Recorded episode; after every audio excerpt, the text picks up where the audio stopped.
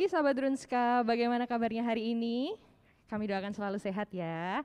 Jumpa kembali dengan Kristina dalam acara Bincang-Bincang Doi, Dr. Unkadang Sapi Solo yang selalu hadir di tengah-tengah sahabat Drunska setiap hari Sabtu pukul 10 dan menghadirkan perbincangan seputar kesehatan yang inspiratif dan kaya akan informasi untuk sahabat Drunska sekeluarga. Dan saat ini spesial disiarkan langsung dari mini ballroom Rumah Sakit Dr. Un Kandang Sapi Solo dan tentu saja hanya ada di Instagram @drunska. Nah, di Sabtu yang cerah hari ini, Bincang-Bincang Doi menghadirkan tema bagaimana menangani nyeri yang tepat. Sebuah keluhan yang tidak jarang kita temui ya sahabat Drunska dan sahabat Drunska juga bisa ikut berpartisipasi di acara kali ini dengan share, like dan memberikan komentar atau pertanyaan seputar nyeri seputar tema yang kita perbincangan hari ini dan selain berkesempatan dijawab langsung dengan ahlinya, juga akan ada giveaway menarik bagi sahabat Drunska sekalian yang beruntung. Jadi simak informasinya sampai selesai ya sahabat Drunska. Dan saat ini Kristina sudah ditemani dengan Dr. Rahadian Singosancoyo, spesialis saraf, magister kesehatan, certified in functional integrated dry needling, dokter spesialis saraf Rumah Sakit Dr. Un Kandang Sapi Solo. Selamat datang kembali di Bincang-Bincang Doi Dok hari ini. Bagaimana kabarnya dok? Ya, selamat pagi. Alhamdulillah. Selamat pagi dok. Sehat, sehat ya dok hari Alhamdulillah ini sehat-sehat. Harus sehat terus. Alhamdulillah. Tiap hari harus sehat. Iya, harus sehat ya dok ya, harus bugar terus ya dok ya. Nah sebagai pembuka nih dok, langsung saja ya dok kita mulai perbincangan hari ini ya dok ya.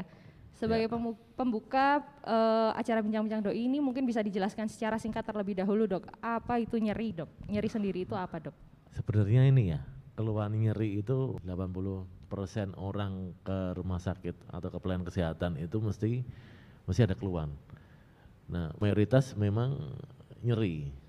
Nyeri itu bisa meliputi nyeri kepala, nyeri sendi, nyeri otot atau ya sendi besar gitu. Nah, apabila seorang itu tidak mengalami keluhan nyeri itu, si mereka ya enggak ini enggak akan ke pusat-pusat kesehatan ya. Uh, jarang kan yang yang yang ke rumah sakit ke dokter itu cuman evaluasi kesehatan uh, ya, untuk general check up dan sebagainya. Di luar negeri di negara-negara maju uh, masyarakat itu ke rumah sakit atau ke pelayanan kesehatan sebelum mereka sakit malah. Nah makanya di sekitar kita nyeri itu masih ini ini masih menduduki uh, posisi yang tinggi untuk orang-orang yang nulani rumah sakit itu mayoritas nyeri. Nah nyeri sendiri kan it, uh, uh, apa definisinya kan seperti ini. Uh, nyeri adalah pengalaman sensorik atau emosional yang yang tidak menyenangkan karena karena adanya uh, kerusakan suatu jaringan atau potensial listrik saraf itu, itu sendiri. Nah, uh, dibagi menjadi tiga sebenarnya nyeri itu. Uh, nyeri neuro, neuropatik atau nyeri yang melibatkan saraf itu biasanya sifatnya dia uh, uh, ini ya spreading ya atau menyebar gitu ya dok? menjalar bisa menjalar ya dok ya? Misalnya ada nyeri nyeri di kaki yang menjalar dari pangkal uh, paha sampai ke mata kaki misalnya. Nah itu itu sumber nyerinya si pasien itu nggak bisa menunjukkan. Kalau ditanya ini nyerinya tepatnya di mana? Si pasien dia akan kebingungan. Wah ini kok pindah-pindah ya? Dari boyok ke lutut lutut sampai ke ketumit misalnya. Nah itu namanya nyeri-nyeri yang seperti itu namanya nyeri neuropatik. Neuropatik uh, ya pain namanya. Jadi nyeri yang melibatkan saraf. Nah terus ada lagi nyeri namanya nyeri nesoseptik. Kalau nyeri nesoseptik si si pasien bisa melihat atau bisa menunjukkan sumber nyerinya. Misalnya misalnya kena kena pisau. Nah, itu kan jelas tuh sumber nyerinya di di apa? di lukanya. Nah, namanya itu antiseptik. Uh, penanganannya juga lain-lain. Penanganan-penanganan terus obat-obat anti nyeri terus terus latihannya juga beda-beda.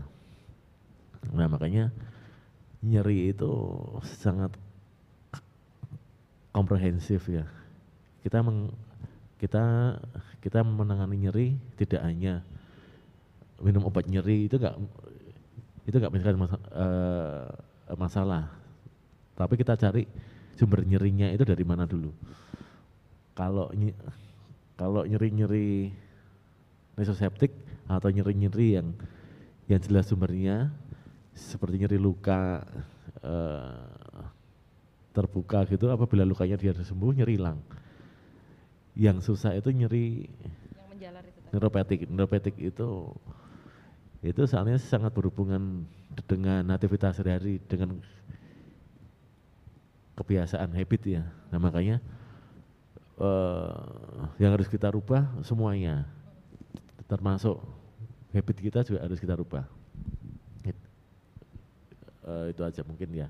Oke dok. Ya, bisa. Berarti nyeri sendiri itu bisa jadi suatu gejala, tapi bisa juga itu uh, gejala dari suatu uh, apa namanya insiden gitu ya dok ya. Dan ada dua ya dok ya, yang bisa menjalar dan ada yang oh memang oh, iya, bisa kita ketahui titiknya di mana gitu ya dok. Ha, jadi yang paling sering itu ya uh, nyeri neuro uh, pain biasanya di usia-usia sepuh ya, usia-usia tua ya. Karena memang karena memang ke, kekuatan otot dia sudah berkurang. Terus habit yang sudah sekian lama dipertahankan. Kalau usia-usia muda kan eh, apa? Otot itu masih kuat, terus tulang-tulang masih oke okay semua kan. Nah itu eh, yang yang dialami orang-orang tua biasanya yang neuropatik eh, uh, nyeri itu tadi. Ya. Selain faktor usia nih dok, apa ada faktor risiko yang lainnya dok? Uh, Sebenarnya kelainan-kelainan hormonal itu juga bisa mempengaruhi ya. Misalnya ada penyakit uh, DM, gula misalnya Nah, itu juga akan menimbulkan nyeri sarafnya juga.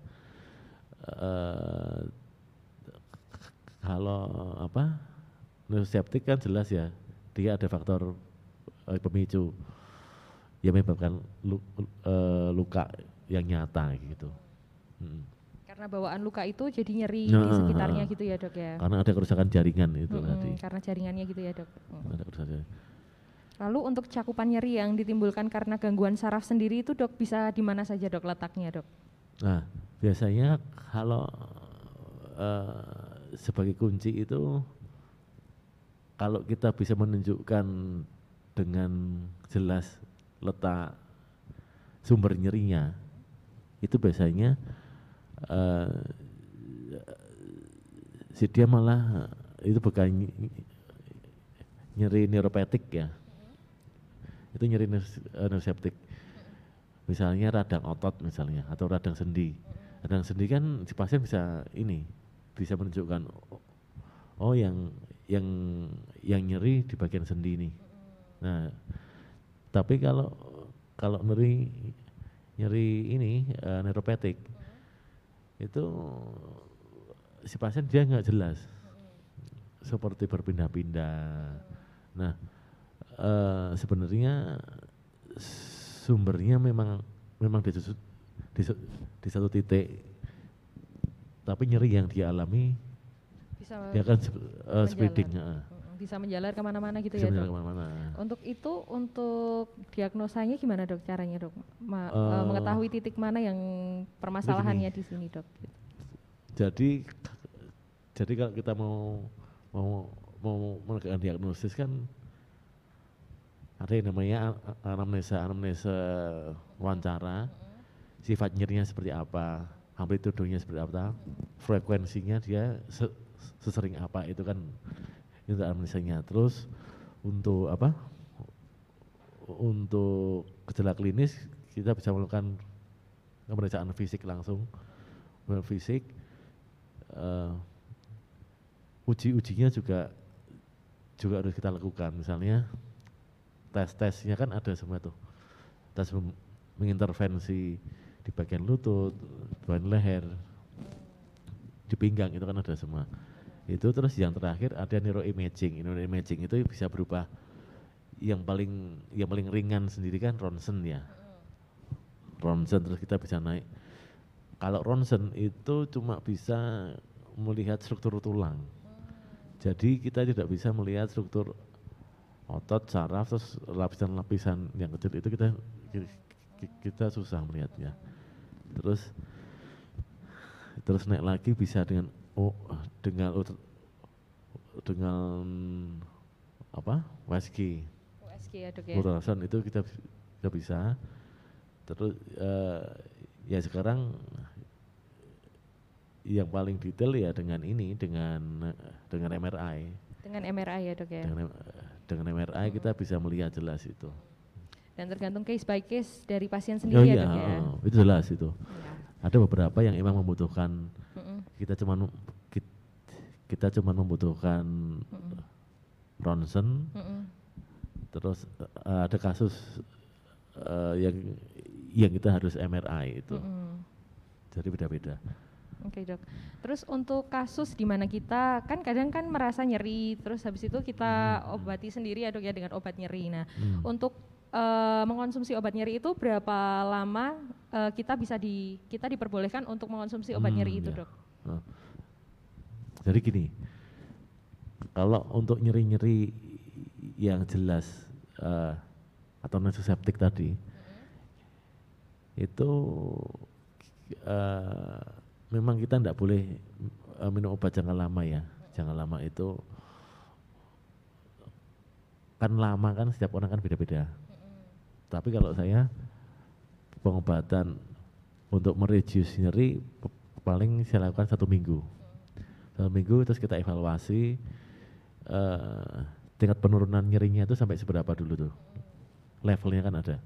Nah, semakin kita levelnya itu semakin menurun, obat yang harus diminum itu akan semakin sedikit nanti. Nah, kita harapkan uh, di bawah satu bulan itu sudah tidak mengonsumsi obat nyeri. Itu kalau yang nyeri yang nonseptik atau yang yang memang tahu lokasinya di situ. Uh, gitu tahu ya, lokasinya. Syukur-syukur tiga hari lukanya wis sembuh itu kan enak ya. Hmm. Nah, uh, beda halnya dengan nyeri neuropatik. Neuropatik hmm. emang karena obatnya lama, hmm. terus pemakaiannya uh, ya pun juga bisa jangka lama. Mm -hmm. Itu biasanya obat-obat yang kita pilihkan itu emang obat yang aman untuk jangka lama memang. Mm -hmm. Jadi jangan khawatir kalau kok minum obat sampai satu bulan mm -hmm. diminum terus itu. Mm -hmm. Nah, uh, kalau yang namanya nyeri saraf itu kan uh, apa yang kita masukkan itu nutrisi saraf terus obat nyerinya itu yang tidak mengiritasi organ yang lain sebenarnya. Hmm. Nah, makanya bisa kita bisa kita berikan jangka lama. Sambil kita uh, memperbaiki memperbaiki susunan otot, susunan tulang, terus merubah habit habit dia. Nah, selama selama apa modifikasi itu obat itu kita berikan.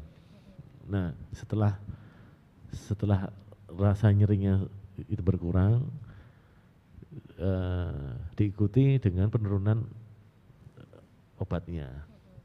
Nah uh, apa ya memang memang sangat subjektif ya, nggak setiap orang sama. Iya. Ada yang yang nyeri uh, boyok menjalar ke tungkai misalnya.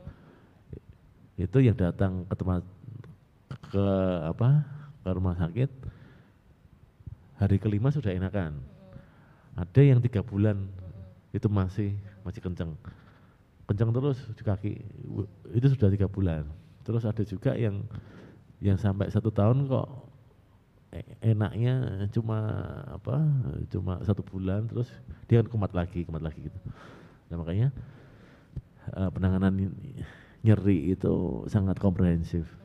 Jadi eh, tidak bisa kita cuma cuma mengandalkan obat anti nyeri dok itu tidak bisa. Nggak bisa ya dok ya? Nah, ya dan eh, harus kita ingat yang namanya eh, apa obat nyeri itu sangat-sangat eh, harus sepengetahuan medis ya. Soalnya kan ada yang yang si obat nyeri itu me- mempengaruhi mukosa lambung gitu gitu yang yang nantinya itu akan menjadi masalah yang baru. Ada perdarahan lambung kan kan malah ini ya nambah-nambah masalah nanti. Terus kalau untuk nyeri ya dia memang ini memang sangat sub- subjektif penanganannya Sangat subjektif, case by case, setiap orang kembali iya, lagi itu lagi ya dok ya. Jadi beda-beda kalau eh, mengkonsumsi obat nyeri, eh, kalau kita sudah tahu lokasi nyerinya di situ, kita minum obat paling tidak tiga hari ya dok ya. ya Tapi kalau lebih dari itu kami eh, disarankan untuk menemui profesional ya dok ya, Iya. untuk berobat gitu ya dok. yang pasti kita harus ngerti dulu apa nyerinya ini masuk nyeri yang mana dulu Mm-mm. Yang Jadi yang menjalar neuro, atau hepatic atau yang memang nonseptik yang ada Mm-mm. ya sumbernya jelas atau yang atau memang si dia melibatkan nerve-nya ya melibatkan Mm-mm. sarafnya gitu Mm-mm. aja.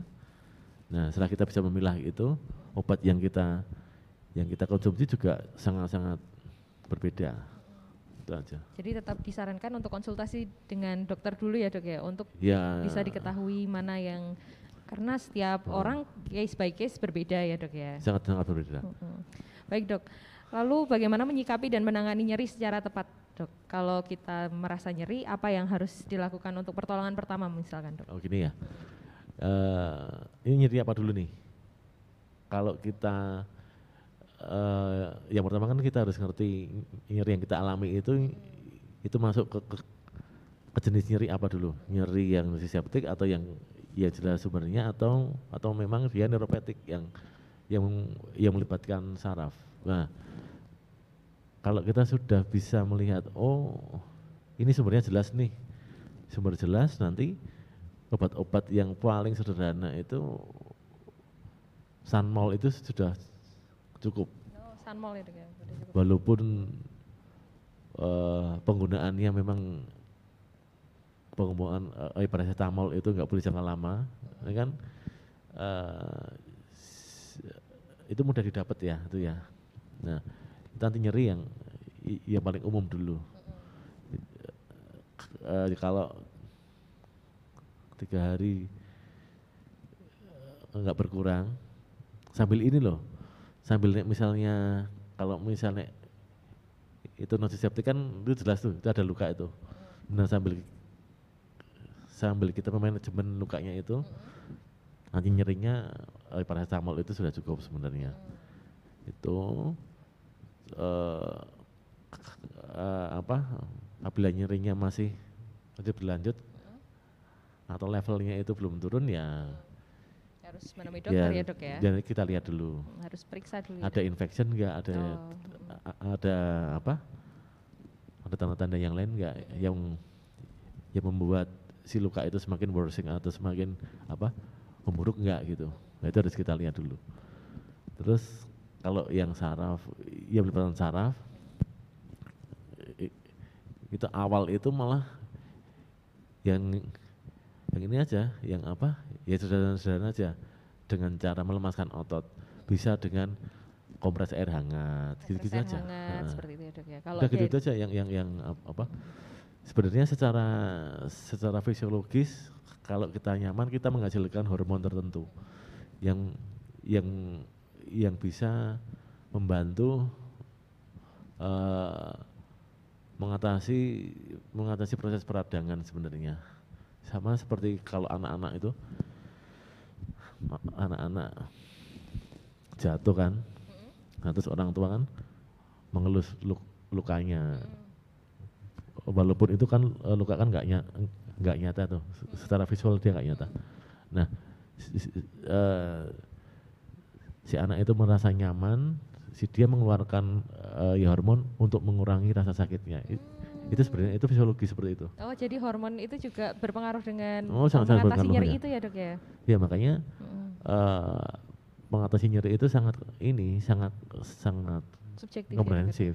Komprehensif ya. Kita tidak bisa Mm. nyeri terus langsung dikasih obat nyeri itu tidak bisa. Mm-mm. Kita harus melihat semua semua eh, apa namanya dem- eh, mulai dari itu tadi Penyebabnya dulu, eh, aktivitasnya seperti apa, indikasinya seperti apa, kebiasaannya dia seperti apa. Itu harus, kebiasaannya seperti apa ya, Dok ya? iya itu harus harus harus kita evaluasi semua kalau Mm-mm. Jadi Kalau perlu eh, apa namanya anamnesa juga ya dok ya Oh, itu semuanya sangat penting ditanyakan ha. semua ya dok ya. Heeh. Baik dok. Lalu bagaimana pencegahan dan pengobatan nyeri sendiri dok? Tergantung dengan apa penyebabnya dulu ya dok? Iya, sama seperti yang saya katakan tadi, kalau nyerinya itu masuk eh, yang septik atau yang apa, yang sebenarnya jelas, itu ya dengan dengan obat anti nyeri yang paling sederhana yaitu ya paracetamol itu tadi. Mm-mm, Plus nanti sumbernya ki- kita manajemen. mm-mm, Ada luka ya kita kita bersihkan lukanya, mm-mm, kita kasih antiseptik gitu. mm-mm. Nah itu ki- ki- itu nanti kita tunggu tiga hari, level nyeri semakin turun, terus obat nyeri stop gitu aja. Oke. Kalau yang saraf ya dimulai eh, ya dari yang paling simpel dulu. Kalau nyeri otot Mm-mm. atau eh, apa nyeri yang eh, menjalar di punggung sampai ke Mhm. mata kaki misalnya. Nah itu kita kompres dengan air hangat di bagian punggung. Udah gitu aja dulu.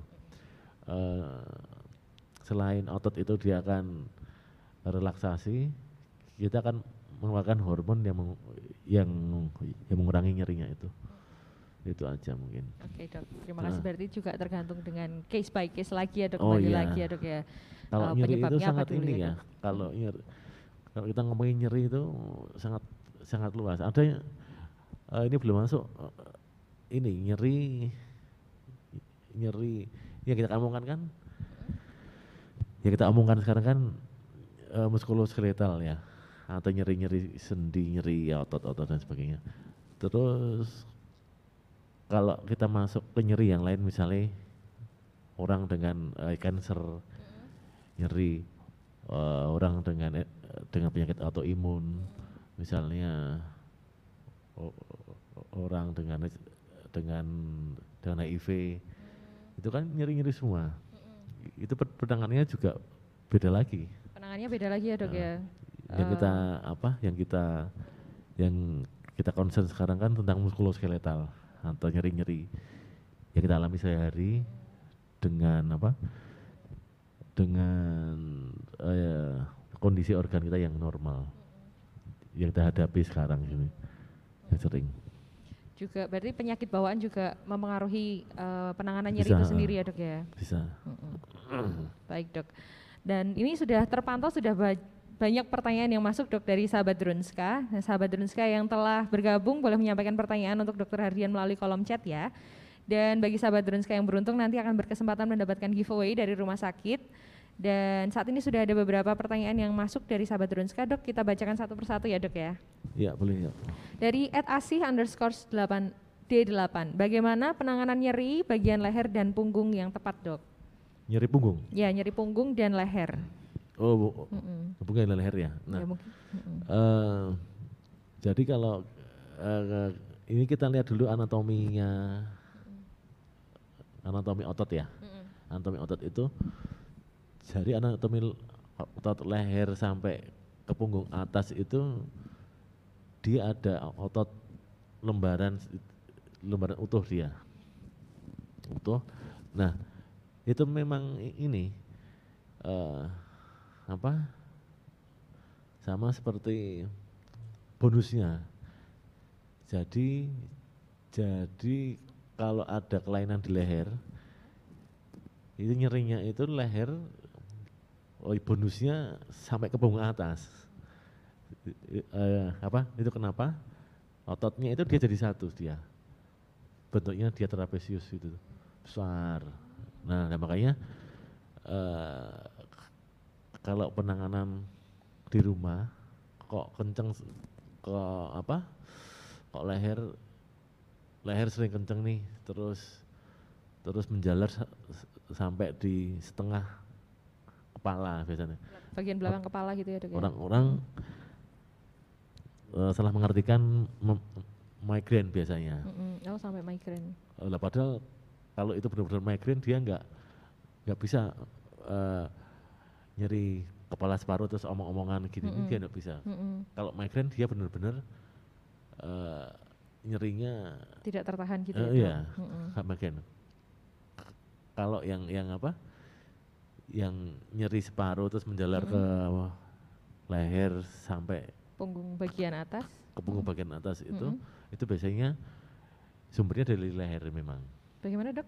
sumbernya dari leher Oh Di leher. sumbernya dari lehernya ya dok? Heeh. Mm-mm. nah leher leher nanti kita bisa kompres dengan air hangat itu. Itu satu. I- eh, jadi kita eh, apa? Nggak dengan obat dulu ya soalnya kan. Kalau nyeri-nyeri eh, ke mengobatin sendiri kan itu bahaya ya. Mm-mm. Nah, makanya yang bisa kita, kita lakukan kita kita kompres air hangat dulu di bagian leher, Sebagai pertolongan pertama dikompres air hangat ya dok ya? uh, kompres air hangat, terus kita lakukan stretching dulu. Stretching ya dok ya? Stretching itu kita itu kita bisa kita lakukan sehari paling enggak ya tiga kali. Mm-mm. Selama tiga hari dulu kita seperti Mm-mm. apa ya setelah itu. Mm-mm. Karena bisa Eh, juga karena terlalu kaku gitu ya dok ya? Itu bisa. Mm-mm. Uh, terus sambil kita melakukan intervensi seperti itu, Mm-mm. kita merubah uh, habitnya. Mm-mm. Habit itu gimana? Cara duduknya harus benar dulu. Terus eh, apa? eh, ya bantal itu jangan terlalu tinggi. Hmm, kalau tidur bantalnya jangan terlalu tinggi. Kalau main laptop eh, Kalau duduknya ya tidur, ergonomis gitu ya dok ya? Eh, terus eh, apa? Ngecek ngecek ngecek ngecek IG itu jangan sambil tidur. Oh scrolling Instagram jangan sampai tidur ya dok ya? Jangan jangan sambil tidur itu nanti apa? Itu dua itu yang masalah. Apa itu dok? Leher sama Jempol ya dok? jempolnya. itu ada namanya. De Quervain syndrome. Hmm. jempol ini itu, apa itu sering dialami ini uh, wanita-wanita muda itu Hmm, karena memang overuse di bagian Overuse. jempol ha. hmm, hmm, nah makanya uh, kan kita kan nggak eh, nggak terasa ya hmm. nggak terasa Karena sudah sambil- jadi habit. hmm, sambil tidur hmm, eh, apa si bantali ditekuk itu hmm, agak tinggi gitu. Hmm, terus kita baca. Hmm, itu kan lama itu? Hmm. sejam gitu kan? Dua jam nah, lama-lama. benar terasa. Hmm, terus akumulasi dia menumpuk terus Mm-mm. setiap hari setiap hari. Nah eh, apa itu akan merubah struktur anatominya. Hmm, entah itu hmm. anatomi tulang anatomi, Anatomi otot tulangnya makanya. juga bisa berubah secara makanya- sendirinya ya dok ya? kok sekarang kok ndak keluar nih nanti selain nyeri nyeri leher si dia akan nyeri. Kok sekarang kok tangan saya sering kesemutan nih. Hmm, hmm, hmm, tangan. Nah itu kenapa? Nah, itu kita ya kita evaluasi semuanya. Hmm, kita evaluasi kebiasaannya hmm. yang muncul terus terus eh, stretching kita lakukan nggak tiap hari gitu. Mm-mm. Berarti Gitu. yang perlu dilakukan pertama adalah stretching, yang kedua juga eh, diatur kembali pola pe- hidupnya, pola hidupnya ya dok eh, ya, pola kayak hidupnya dia. tidurnya, posisi tidur, posisi duduk dan Itu itu aktivitasnya juga ya dok ya. Nah, Untuk olahraga sendiri apa yang disarankan dok kalau eh, menangani nyeri seperti itu dok? kalau kalau olahraga ini ya itu kita lihat ininya dulu ya kita Mm-mm. lihat lainannya Mm-mm. atau kita periksa Oh periksa dulu ya dok ya, Dulu jadi ya. tetap harus konsultasi dulu ya dok ya. kekencangannya otot itu seberapa. Hmm. Soalnya eh, yang sering kan kita mengajarkan renang ya, Mm-mm. renang Adalah olahraga terbaik untuk eh, pengobatan Eh, saraf gitu ya dok ya. eh, eh, eh, ke- ke- kenapa kita renang? Kok kita mengajarkan renang? Mm-mm. soalnya kalau renang itu eh, si bebannya itu dibagi rata semua. Mm, mm. Kalau Seluruh kita tubuh kena gitu ya kalau ya? kita running kan beban yang paling tinggi itu di ini di punggung Mm-mm, bagian bawah mm-mm, itu beban yang paling tinggi. mm-mm. Betul dok. Itu kalau running. Mm-mm. Kalau sepeda oke lah itu masih dibagi. Tapi Mm-mm. kalau renang memang dia rata. Mm-mm. Nah makanya Tidak ada eh, bagian tubuh yang kalau- lebih berat gitu ya dok ya kalau Eh, renang ya dok ya. kalau kita kita ditanya ini olahraga yang tepat apa?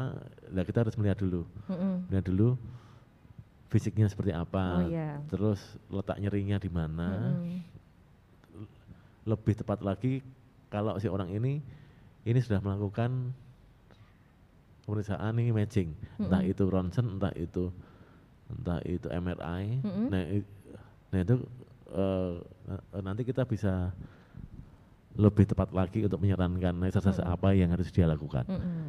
Baik dok, jadi eh, awal dulu kalau terasa nyeri periksa dulu ya dok ya, Mm-mm. agar kita bisa tahu bagaimana treatment Nah, selanjutnya gitu ya dok ya. benar. Baik dok.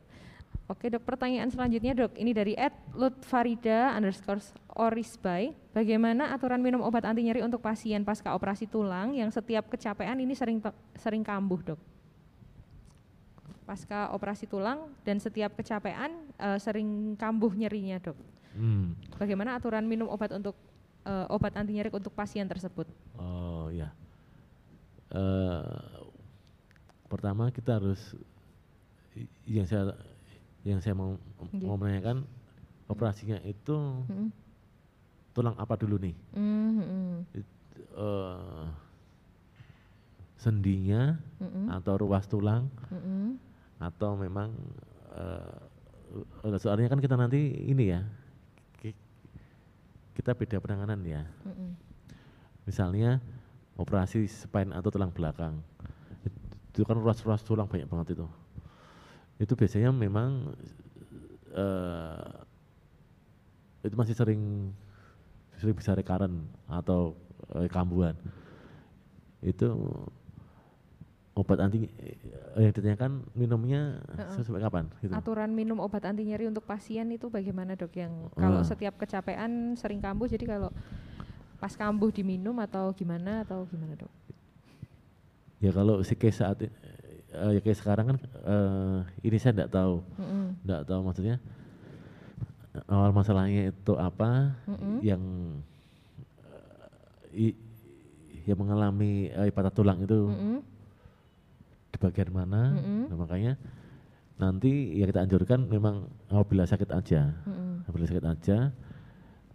Eh, terus eh, nanti kita lihat eh, yang patah itu sebelah mana dulu. Mm-mm, harusnya kan nalarnya kalau kita nyambung mm-mm, nyambung eh bone ya kita Mm-mm. nyambung tulang itu itu setelah setelah disambung dia dia kan nggak ini nggak dia dia tidak akan menimbulkan keluhan soalnya kan Mm-mm.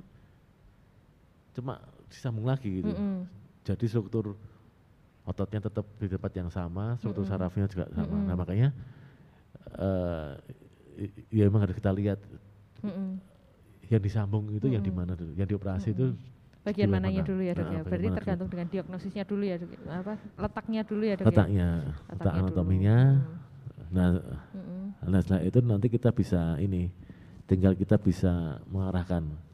Eh, ini soalnya gini sekarang itu sudah banyak ya penanganan-penanganan nyeri. Mm-mm, sebenarnya tidak hanya dengan obat tapi dengan intervensi-intervensi nyeri yang lain. Mm-mm, seperti dengan drain needling yang saya lakukan tiap hari itu kita dengan jarum eh, ini, eh, tapi ini bukan aku aku puntur itu bukan. Mm-mm, ini beda Eh, kalau drain needling itu kita mensimulasi me- merusak otot mm-mm, dan nanti si otot itu i- i- i- dia akan melewati proses regenerasi sel lagi mm-mm. sehingga sel-sel di muscle, sel-sel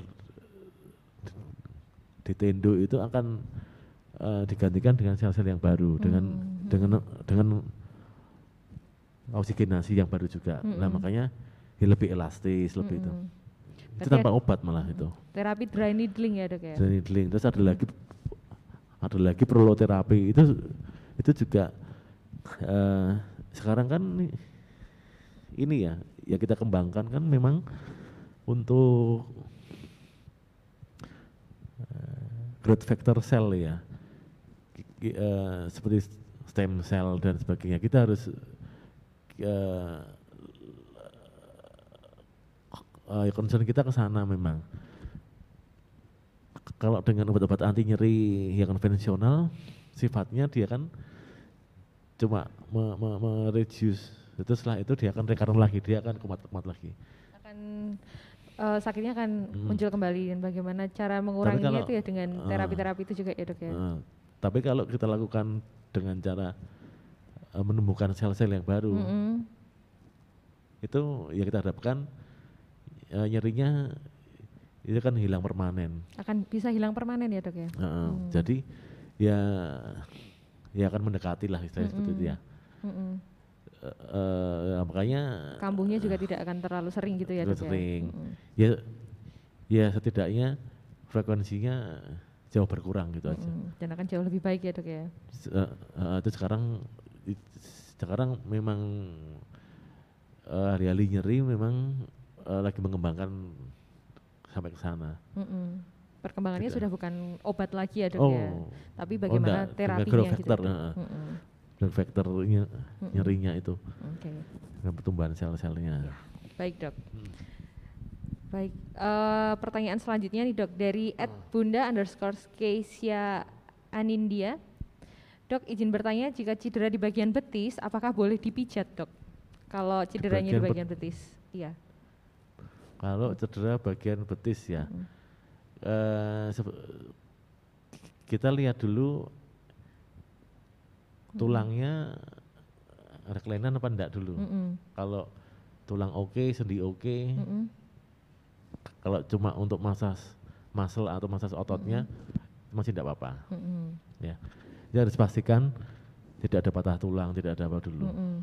Kalau ada patah tulang tidak bisa dipijat tentu saja Oh ya dok ya. jangan, Jangan nanti, dipijat ya dok ya. nanti ada infectionnya nanti malah. Mm. Tapi kalau nyerinya di bagian otot dipijat nggak apa-apa Boleh, ya dok ya. Baik dok. Lalu pertanyaan selanjutnya dari Ed Marta Fitz.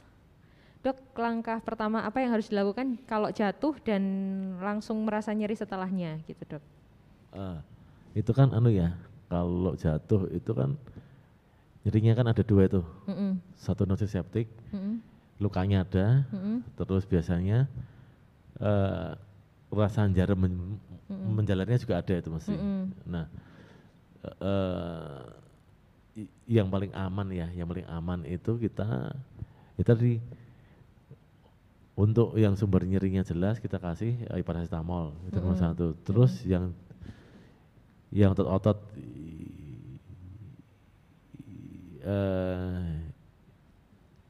yang nyerinya itu spreading Mm-mm. atau menjalar mm-mm, itu itu bisa kita kompres air hangat mm-mm, plus kita belikan ini aja apa eh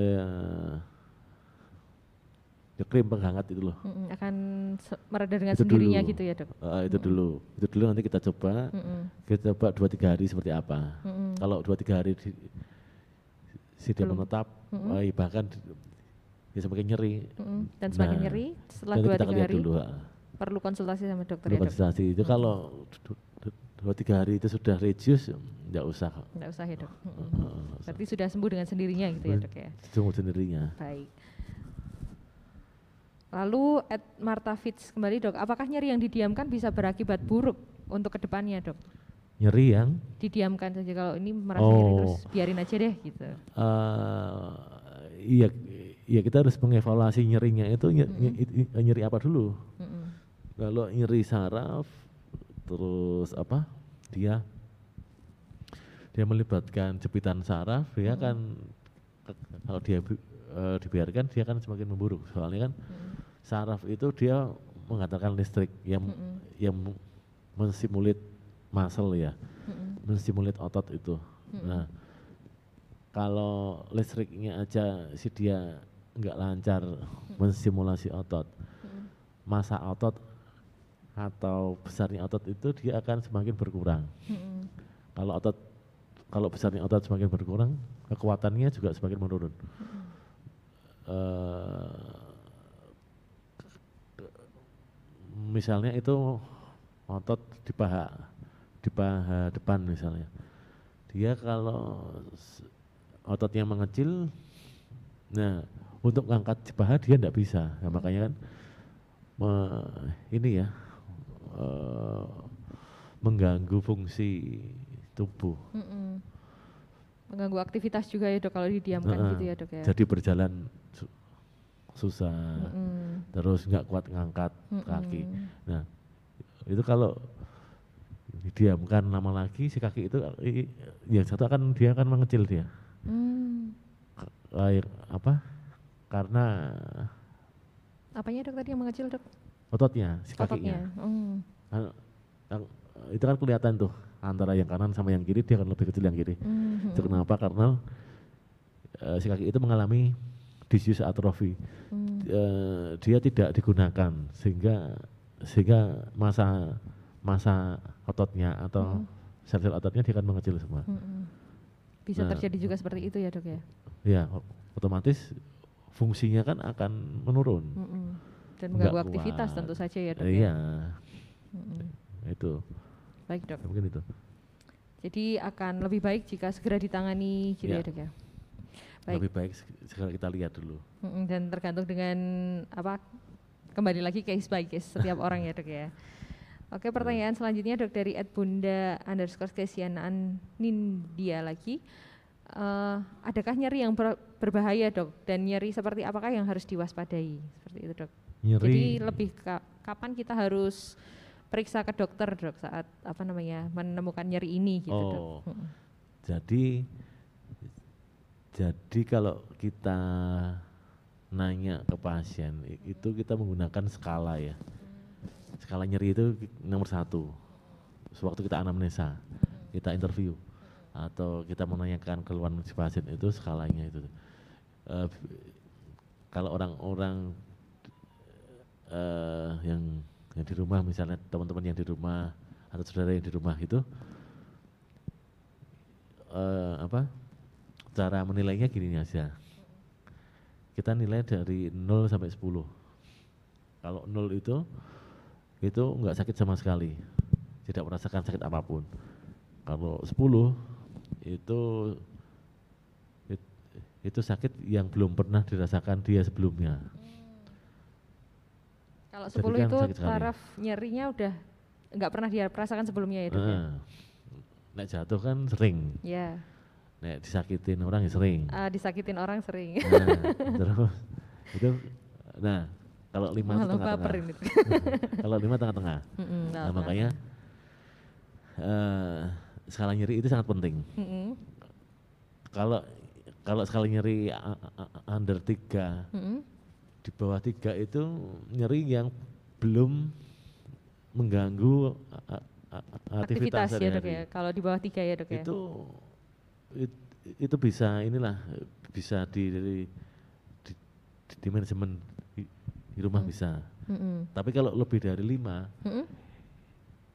itu yang alertnya itu Alarmnya kalau Ah, sudah alertnya dari itu. skala kosong sampai 10 lebih dari lima ke atas lima ke itu atas itu perlu segera ke rumah sakit ya itu segera ke rumah sakit ya dok ya. Rumah sakit mesti ada sesuatu di sana Hmm, karena pasti ada eh, yang tidak beres ada di yang situ ya dok ya. beres. Baik dok. Kalau tiga lima ke itu atas, lima itu sudah mengganggu aktivitas misalnya Mm-mm. nyerinya kok buat berdiri itu langsung nggak kuat mm, mm, terus ya sudah mengganggu aktivitas pokoknya mm, mm. Sudah mengganggu aktivitas lima ke atas, Tengah-tengah. segera periksa ke rumah sakit ya dok ya. Iya, heeh. Kalau tiga, Kalau ke tiga itu lima, kita itu eh, itu kita lakukan apa kompres air hangat kompres dengan air hangat. dengan Pertolongan air- pertama ya dok ya. dengan krim peng, Mm-mm, penghangat terus exercise kita rubah itu aja dulu mm-mm, Tapi kalau lima ke atas nah itu yang yang Mm-mm. perlu kita mm-mm. waspadai Iya dok. Dan eh, 5 sampai 10 ini apa saja dok eh, kriterianya dok? Sampai misalkan kalau berjalan kakinya sudah oh tidak bisa atau gimana dok? k- kalau kita kita yang kalau kita kita yang me- me- mendalami nyeri ya, Mm-mm. itu se- itu sejak awal itu memang eh itu sudah ditanamkan Mm-mm. Nomor satu itu eh, kamu harus percaya keluhan si pasien. Mm-mm. Maksudnya gini, kalau nyeri itu kan sub- subjektif ya. Mm-mm. Ada yang yang dicubit sedikit di- dia merasa nyeri banget. Mm-mm. Itu, itu juga ada. Eh, terus ada juga yang yang dicubit eh, keras, Mm-mm. yang ngomong, wah ini nggak nyeri nih gitu. Mhm. Itu juga ada. Mm-mm. Misalnya orang disuntik nih, orang disuntik ada yang disuntik itu nangis-nangis, ada yang enggak. Nah, itu kan sub- kan sub- subjektif banget. Mm-mm. Nah, eh, dan makanya eh, ya pertanyaannya itu kan anu toh, nilai nyeri ya. Mm-mm. Nah, eh, i- itu itu sangat eh, yang pertama kita mempercayai si keluhan si pasien itu sendiri seperti apa dulu. Mm-mm. Nah setelah itu kan eh, kita kita nilai levelnya lagi dengan pemeriksaan fisiknya Mm-mm. plus nanti diikuti dengan imaging atau ronsen dan Oh sebagainya. iya. Berarti eh, ada step-stepnya gitu ya Ada dok untuk step-stepnya. pemeriksaan. Baik dok, ini eh, pertanyaan terakhir ini dok. Ya, ya. At neng.2105 dok, bagaimana pertolongan pertama saat merasakan nyeri pasca operasi sesar dok? Sesar ya. Mm-mm. Ini kan ya Ada lagi- sesar dan HNP dok. Oh iya. Kalau nah ini menarik soalnya. Ka- eh, apa? Nyerinya sesar itu eh, habis sesar atau su- Setelah sesar, pasca operasi sesar dok. eh, riwayat sesar? Riwayat sesar itu eh, itu ini, itu soalnya ada yang lima tahun habis sesar kok dia sering sering nyeri punggung belakang itu juga ada. Terus hal yang sekarang kan yang tren kan ini ya, erak ya. Ya dok ya. Erak itu kan kita ngeblok ngeblok nyeri di bagian Bagian bawahnya. di apa di perut depan itu itu kan ada sarafnya tuh itu kita blok semua Mm-mm. nah tapi kalau itu kan untuk eh, pos sesar waktu itu. Misalnya ini sesar terus sebelum kembali ke ruangan di ruang operasi kita blok dulu nyerinya di bagian depan. Tapi kalau yang apa yang ada hubungannya dengan ANP itu beda lagi. Itu itu memang mayoritas orang dengan riwayat sesar itu di kemudian hari setelah dua lima tahun ke depan gitu dia mayoritas dia sering ini sering low back pain. Dia sering nyeri nyeri punggung ya- belakang. Itu karena eh, apa sering ada tarikan di lapisan otot. Lapisan otot.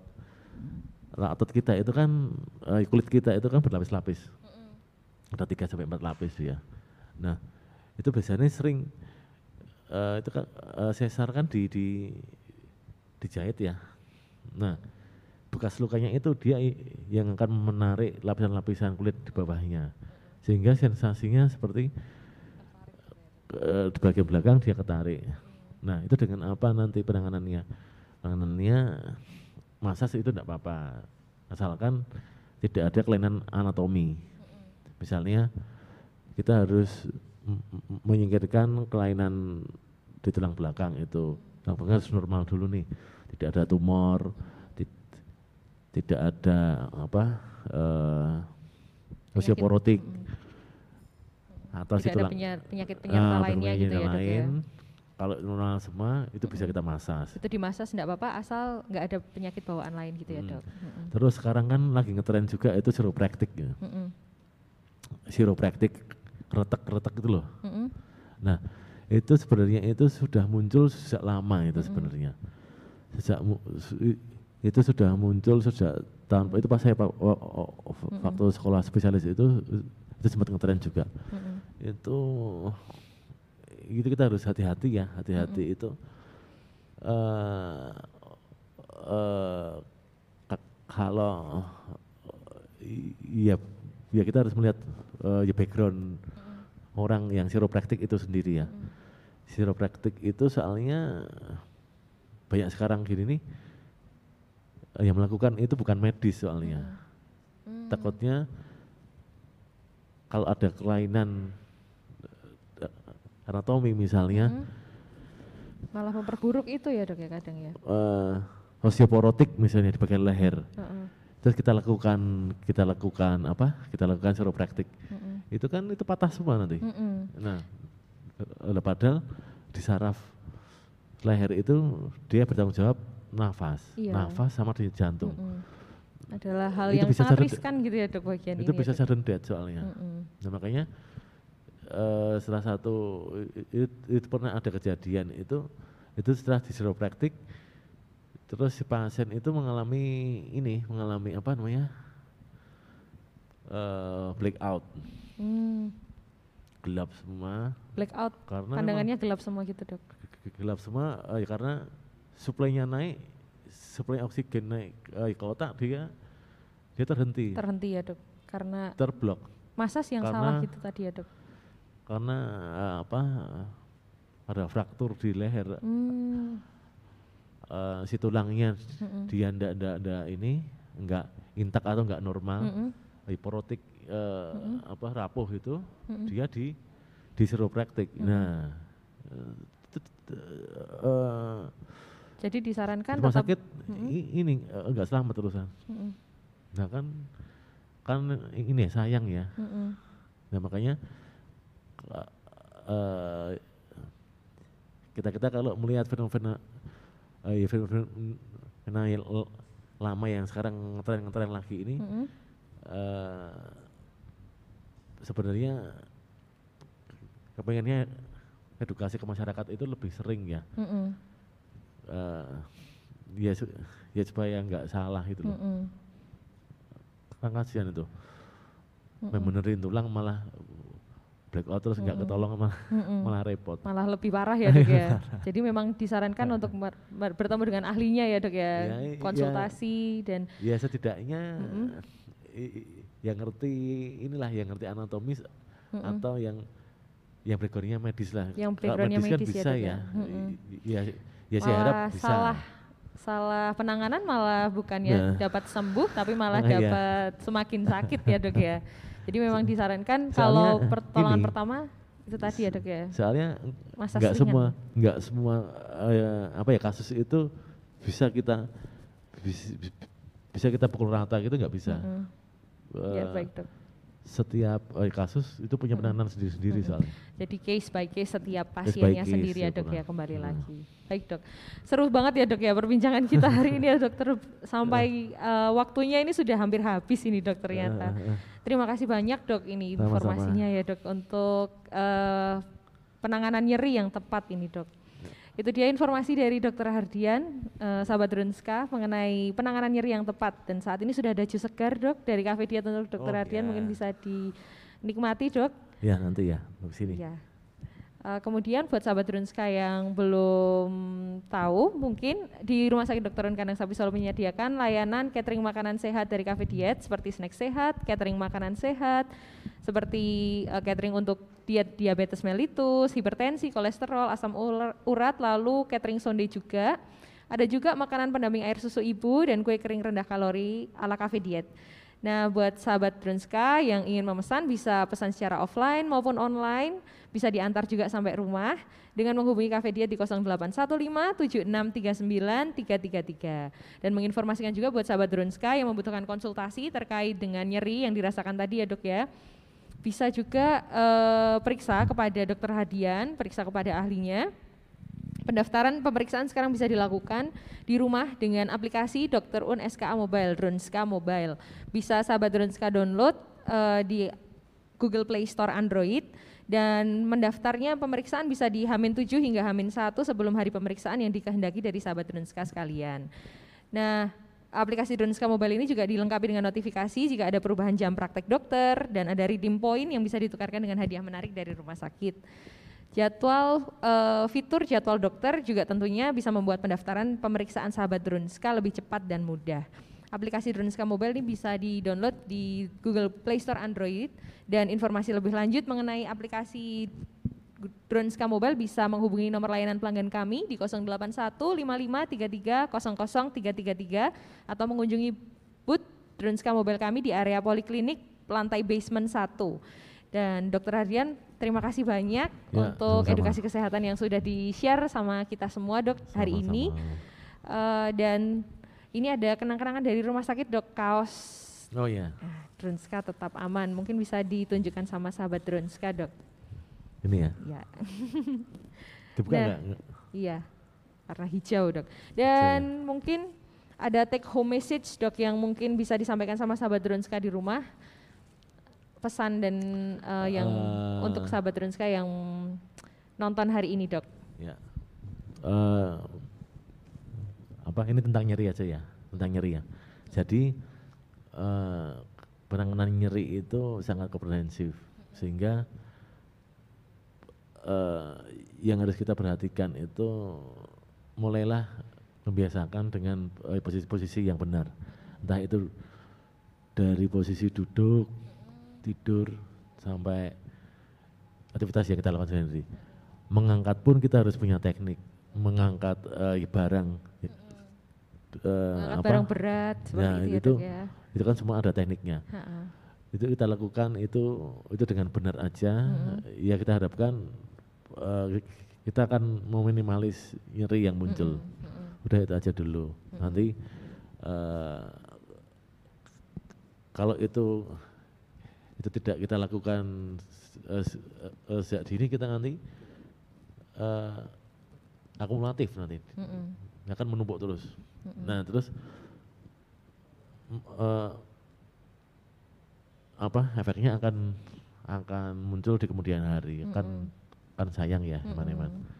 Ya gitu aja mungkin u- untuk ini untuk memberikan eh, habit sama aktivitasnya. Mm-mm. Jadi Diperhatikan kalau itu. misalkan kayak angkat galon, aktivitas-aktivitas Nah, ringan di yang kita temui sebenarnya. setiap hari, bagaimanapun eh, sebisanya nanti menggunakan posisi-posisi yang, Yang baik ya benar. dok ya, yang ergonomis ya dok ya, iya. kayak me- saat angkat galon yang dititik beratkan bukan di punggungnya Ah, tapi di di kakinya, kakinya, seperti itu ya dok gitu. ya. Terus Ah. kalau main komputer nanti yang posisinya yang tegak Ah. seperti itu ya dok ya. Ya, gitu Dimulai dari diri nanti. sendiri ya dok ya. Diri sendiri. Baik dok. Terima kasih banyak dokter. Hadian. Terima kasih juga buat sahabat Drunska semua yang sudah setia mengikuti dari awal hingga akhir pemenang giveaway akan diumumkan besok melalui Instagram @drunska. Jadi tetap ikuti sosial media kami di Facebook, Instagram, Spotify dan YouTube kami @drunska serta ada di website www.drunska.com untuk informasi kesehatan terkini dari Rumah Sakit Dr. Kadang Sapi Solo. Terima kasih untuk sahabat Drunska yang selalu setia mendukung dan bergabung bersama kami di kegiatan Bincang-Bincang Doi yang selalu hadir setiap Sabtu dan menginformasikan untuk besok Sabtu tanggal 28 Mei 2022 Bincang-Bincang Doi belum bisa menyapa Drun- eh, sahabat Drunska sekalian.